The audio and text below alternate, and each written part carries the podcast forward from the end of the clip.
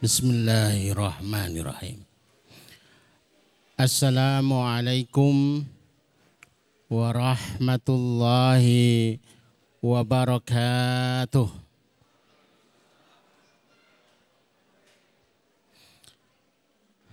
Alhamdulillah. Wassalatu wassalamu ala ashrafil anbiya wal mursalin wa ala alihi wa ashabihi wa man tabi'ahum bi ihsanin ila yaumiddin. Asyhadu an la ilaha illallah wahdahu la syarikalah wa nashhadu anna Muhammadan abduhu wa nabiyuhu wa rasuluh la nabiyya wa la rasula ba'dah. Allahumma asrah sudurana وتزوس عن سيئاتنا وهب لنا فهم الأنبياء والمرسلين وهب لنا فهم السلف الصالح اللهم انفعنا بما علمتنا وعلمنا ما ينفعنا وزدنا علما ونعوذ بالله من أحوال أهل النار Allahumma la sahla illa ma ja'atahu sahla. Wa anta taz'alul hazna idza syi'ta sahla. Rabbi israh li sadri wa yassir li amri wa hlul uqdatam min lisani qawli. Rabbi zidni ilma. Amma ba'd Bapak Ibu yang dirahmati Allah materi kita harusnya itu panjang ya. Saya siapkan itu sekitar 45 menit. Tapi sudah berkurang sekitar 30 menit. Dan materinya cukup menarik bagi yang tertarik. Urusannya menyimpan harta. Cuma masalahnya apa yang disimpan Wong hartanya aja nggak ada. Saya tadi awalnya sebelum naik itu bertanya-tanya. Jangan-jangan kita itu nasibnya kayak sahabat. Senasib. Merasa berbisnis, merasa berusaha, tapi bahasa Arabnya itu adbarot dunya seakan dunia itu berpaling dari kami. Maka sebelum kita itu berbicara tentang bagaimana menyimpan harta, bagaimana yang pertama adalah harta itu datang kepada kita.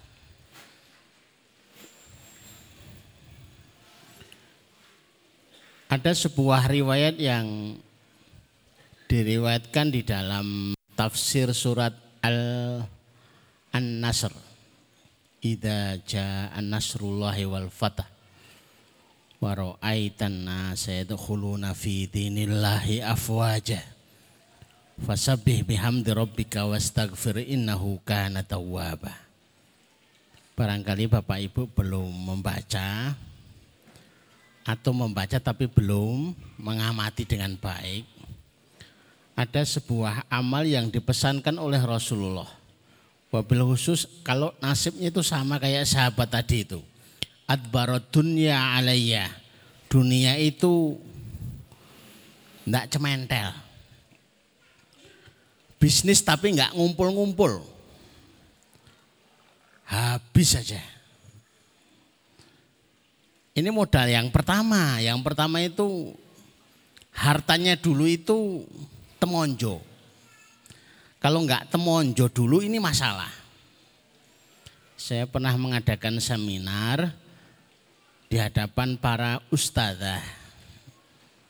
Judulnya adalah waktu itu bagaimana memanage keuangan keluarga. Tapi saya tanya itu kecewa. Ibu-ibu yang dirahmati Allah sebelum saya sampaikan materi, saya tanya dulu, apakah selama ini yang diberikan suami itu cukup? Jawabannya itu panjang, kurang. Kurangnya sedikit atau banyak? Banyak. Lalu terus ngapain di manage gitu loh.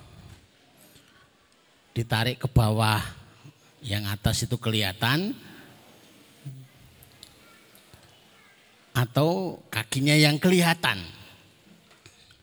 Kenapa enggak seminarnya diganti saja dengan menambah income keluarga serempat serempak semuanya itu sepakat, sepakat. Daripada kita ngajari sesuatu yang harus ngoyoworo begitu. Ya sudah, materinya akhirnya adalah bagaimana menambah income keluarga. Baru setelah itu kita membahas tentang manajemen keuangan keluar keluarga. Bapak Ibu yang dirahmati Allah sama dengan materi kita sore ini walaupun sudah ini sudah di limit acara ya. Saya tidak tahu masih ada berapa menit itu ya.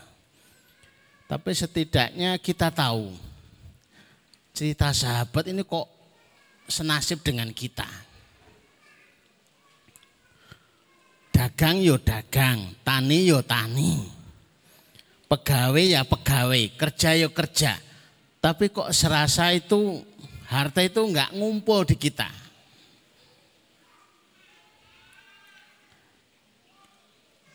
Itu bukan insiden loh. Insiden kok rombongan itu loh. Tapi itu sebuah fenomena. Yang diajarkan Rasulullah Shallallahu Alaihi Wasallam bukan bukan apa tuh cara bekerja tapi justru sebuah zikir yang sangat-sangat mudah untuk dilakukan. Bagi Bapak Ibu silahkan dicoba. Barangkali bertanya-tanya, wih tenane, terbukti apa enggak? Saya sangat suka dengan pertanyaan ini. Diragukan itu pertanda dia itu ada perhatian.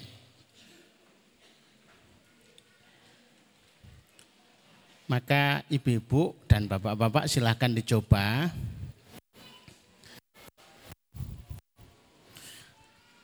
Waktunya habis adzan subuh.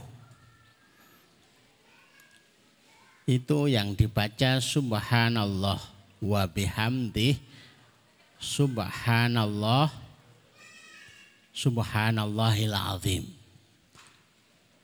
Terus ditambah dengan Astaghfirullah wa atubu ilaih.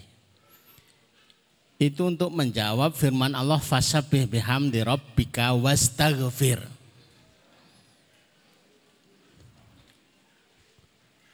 Ternyata makhluk Allah itu dikasih rezeki itu karena tasbihnya. Ada yang berkesimpulan dikasih rezeki karena istighfarnya, bukan. Dikasih rezeki karena doanya, bukan dikasih rezeki karena bekerjanya bukan. Apalagi kok dikasih rezeki karena ijazahnya, sama sekali bukan. Tapi menurut tafsir dikasih rezeki itu karena tasbihnya.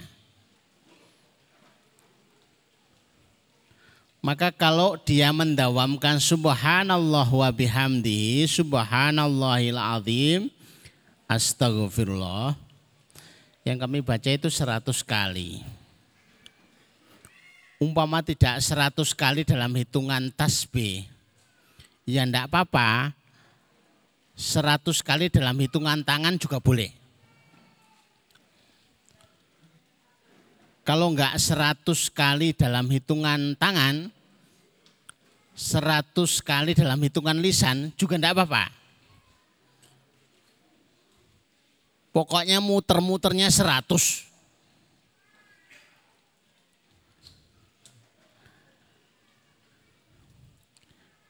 Komentar sahabat yang mempraktekkan ini. Begitu diajari Rasulullah Shallallahu Alaihi Wasallam, kemudian mengadu ya Rasulullah,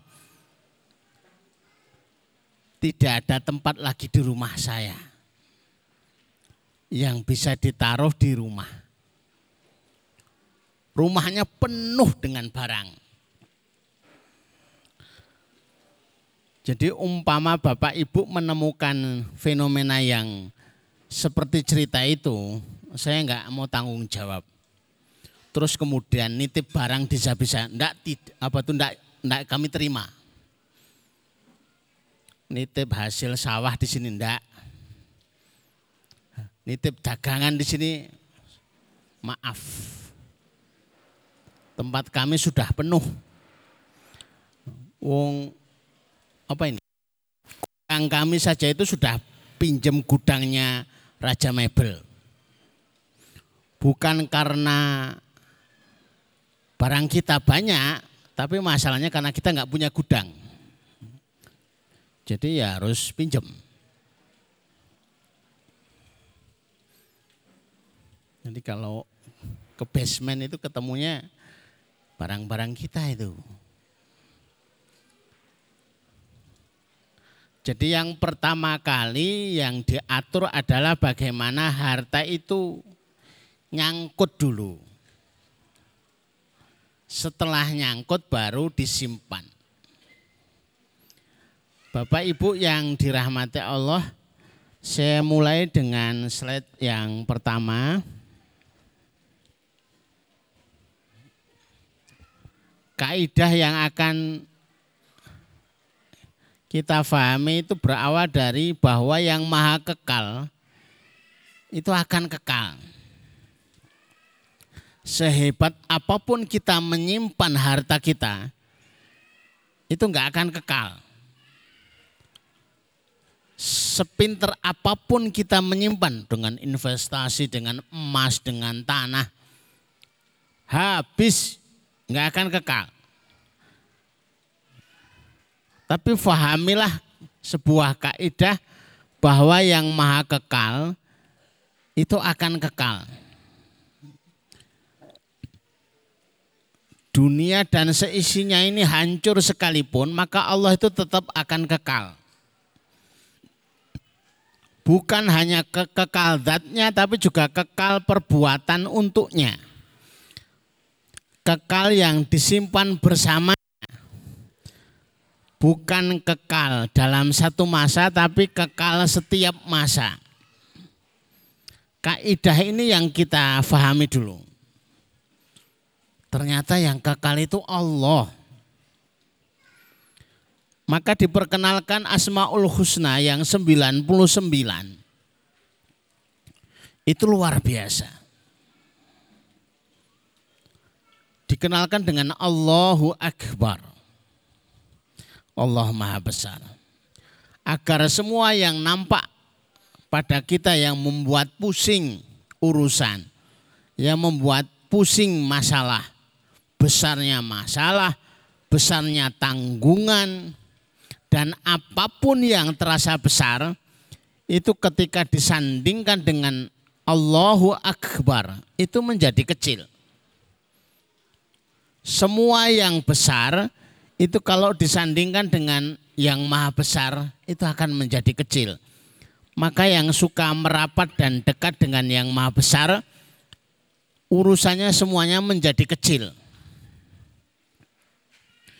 Berapa banyak kalau ada fenomena alam, ada angin, gempa, banjir, atau ada musibah apa gitu ya. Itu ada yang mencoba azan.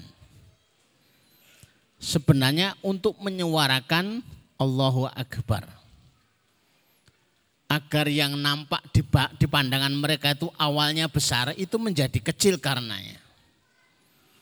Maka Bapak Ibu yang dirahmati Allah, yang dalam hitungan kita hari ini itu besar, yang mengaku hutangnya besar, masalahnya besar, Hakikatnya itu karena kita adalah kurang dekat dengan Allah.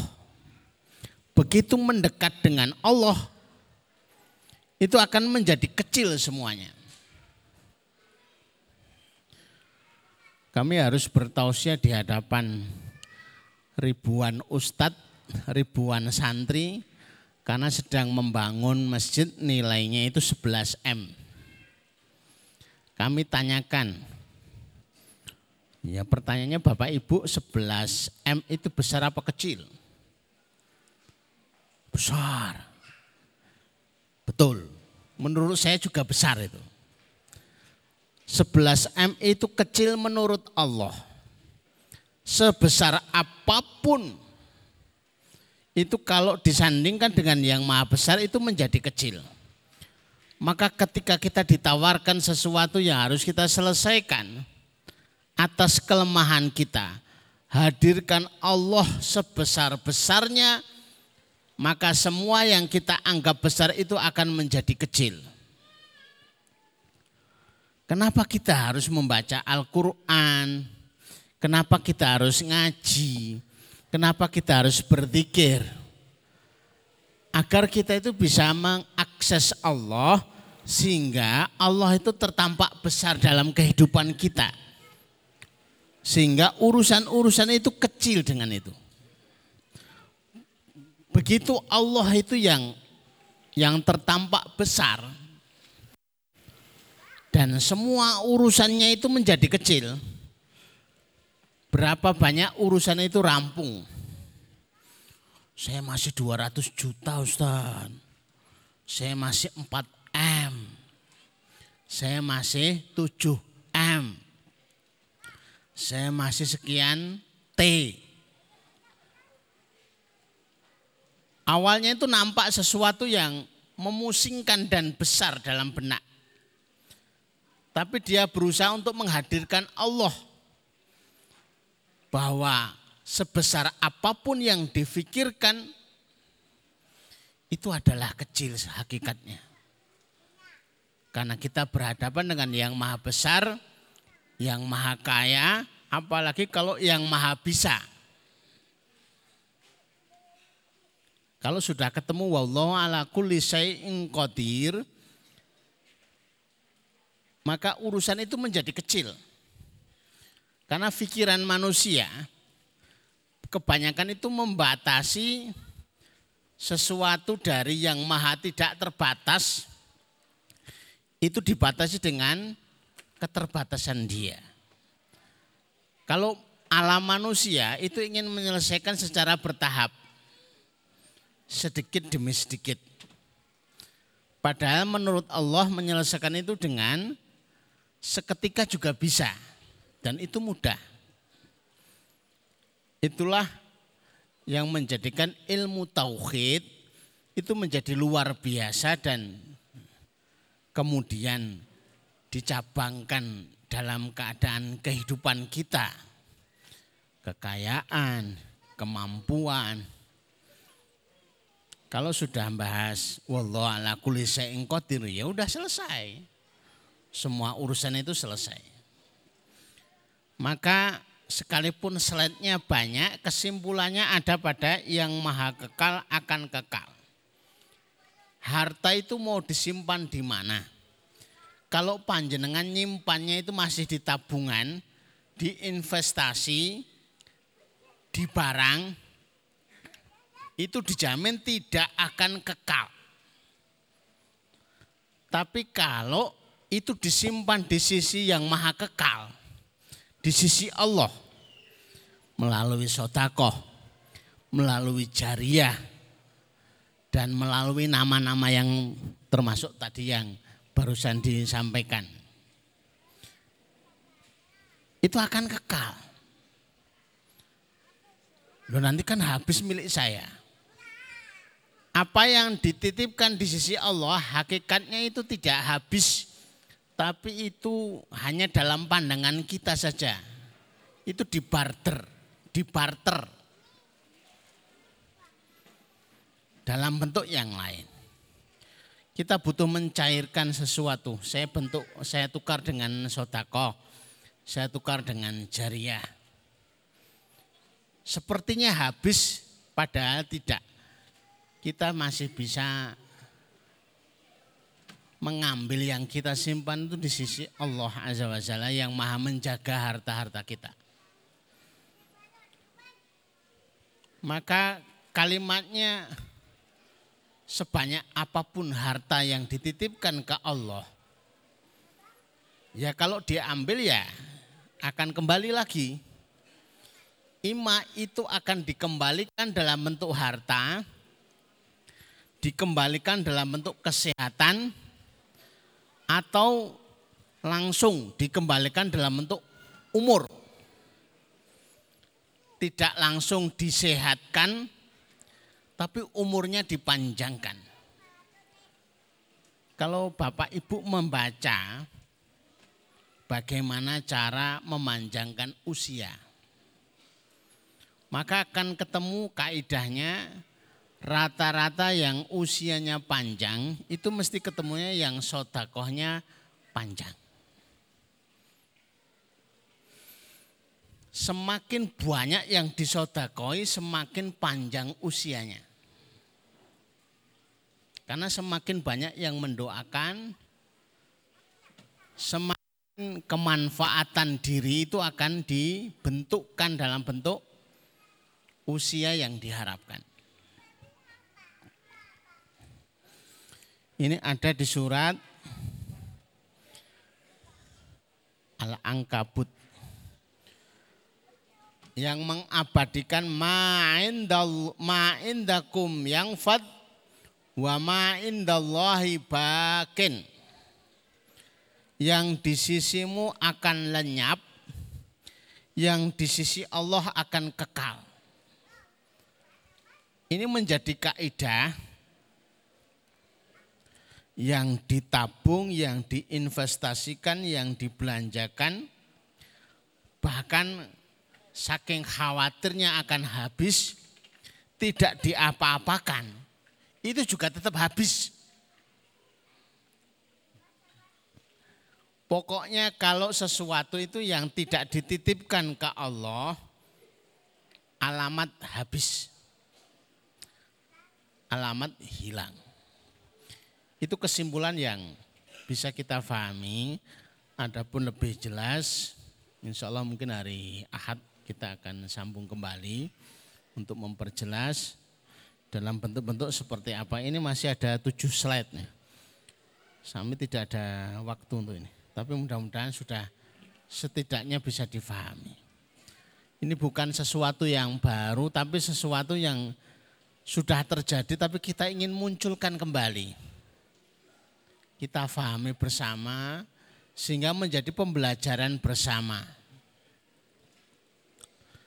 Kadang-kadang kita butuh testimoni-testimoni untuk Bapak Ibu yang sebenarnya sudah menyerap ilmu itu bareng-bareng. Tapi seberapa manfaat itu dirasakan dalam diri keluarga itu butuh untuk diajarkan. Oh ternyata aplikasinya begitu. Ilmunya sama tapi aplikasinya beda. Yang dipraktekkan oleh Mbah Ansori. Apa? Iya. Mbah Ansori itu tiap hari Jumat itu buat nasi bungkus 70. Usianya sudah 90 lebih tapi masih siap untuk dahar tengkleng. Sehat, diperiksa tidak ada keluhan mas.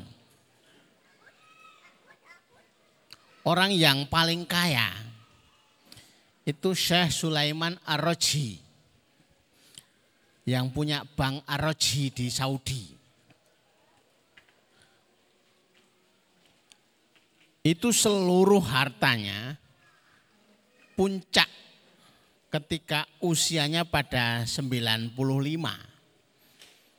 Semua hartanya dihabiskan.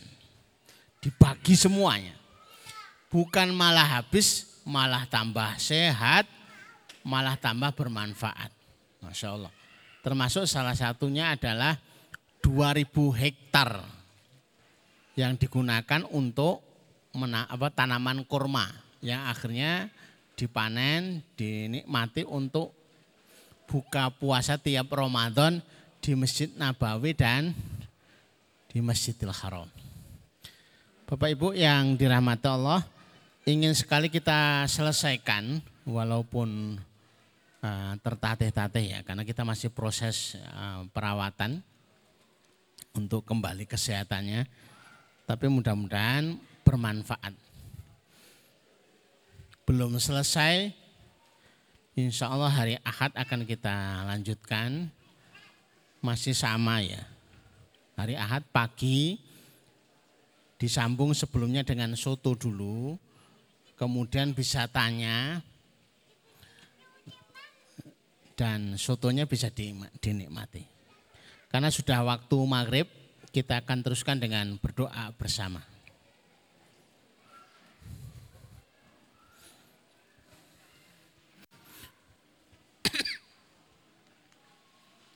Monggo Bapak Ibu yang dirahmati Allah kita tata hati kita kita konsentrasikan pikiran kita. Kita mohon doa yang terbaik untuk kita, keluarga kita dan hajat-hajat kita. Bismillahirrahmanirrahim. Allahumma sholli ala Muhammad wa ala ali Muhammad kama shallaita ala Ibrahim wa ala ali Ibrahim innaka Hamidum Majid. Allahumma barik ala Muhammad wa ala ali Muhammad. Kama barakta ala Ibrahim wa ala ali Ibrahim fil alamin innaka Hamidum Majid. Walhamdulillahi Rabbil Alamin. Bismillahirrahmanirrahim. Alhamdulillahi Rabbil Alamin. Ar-Rahmanirrahim Maliki Yawmiddin Iyaka na'budu wa iyaka nasta'in ihdinas siratal mustaqim. Siratal ladzina an'amta 'alaihim ghairil maghdubi 'alaihim waladhdallin amin La Allahumma ya Rahman ya Rahim Ya Hayyu Ya Qayyum Ya Dal Jalali Wal Ikram Allahumma Ya Rahman Ya Rahim Ya Hayyu Ya Qayyum Ya Dal Jalali Wal Ikram Allahumma Ya Rahman Ya Rahim Ya Hayyu Ya Qayyum Ya Dal Jalali Wal Ikram La ilaha illa anta subhanaka inni kuntu minadh dhalimin. La ilaha illa anta subhanaka inni kuntu minadh dhalimin. La ilaha subhanaka inni kuntu minadh dhalimin. Allahumma inna nas'aluka min khair min min khair min amin nabiyuka Muhammad sallallahu alaihi wasallam. Wa na'udzu bika min syarri ma sta'ada min nabiyuka Muhammad sallallahu alaihi wasallam antal musta'an alaikal balag wala khawla wala quwwata illa billah ya Allah sesungguhnya kami mohon seluruh kebaikan yang pernah diminta oleh Nabi kami sallallahu alaihi wasallam ya Allah sesungguhnya kami memohon dijauhkan dari seluruh keburukan yang pernah diminta oleh Nabi kami Shallallahu Alaihi Wasallam. Ya Allah, engkaulah tempat kami meminta, engkaulah yang menyampaikan urusan. La khawla wa la quwwata illa billah. Allahumma kfina bi halalika an haramika wa agna bi fadlika aman siwaka. Ya Allah, cukupkan kami dengan yang halal sehingga kami tidak butuh dengan yang lainnya. Ya Allah kayangkan kami dengan anugerahmu sehingga kami tidak butuh dengan selainmu. Allahumma inna nas'aluka amalan baron wa rizqan daron wa aisan wa qaran. Ya Allah sesungguhnya kami mohon kepadamu kehidupan yang baik. Rizki yang mengalir. Allahumma dzib hammana. Allahumma dzib hammana Allahumma mana ya Allah angkatlah masalah-masalah kami. Ya Allah angkatlah kesulitan-kesulitan kami. Ya Allah angkatlah problematika kami. Birahmatika ya arhamar rahimin. Rabbana atina min ladunka rahmah wa lana min amrina rasada. Rabbana atina fid dunya hasanah wa fil akhirati hasanah wa qina adzabannar. Wa qina adzabannar. Wakina ada benar wa sallallahu ala Muhammadin wa ala alihi wa sahbihi wa salam. Subhana rabbika rabbil izzati amma wa salamun alal mursalin alhamdulillahi rabbil alamin. Alhamdulillahi rabbil alamin. Subhanakallahumma rabbana wa bihamdika asyhadu an la ilaha anta astaghfiruka wa atubu ilaik. Assalamualaikum warahmatullahi wabarakatuh.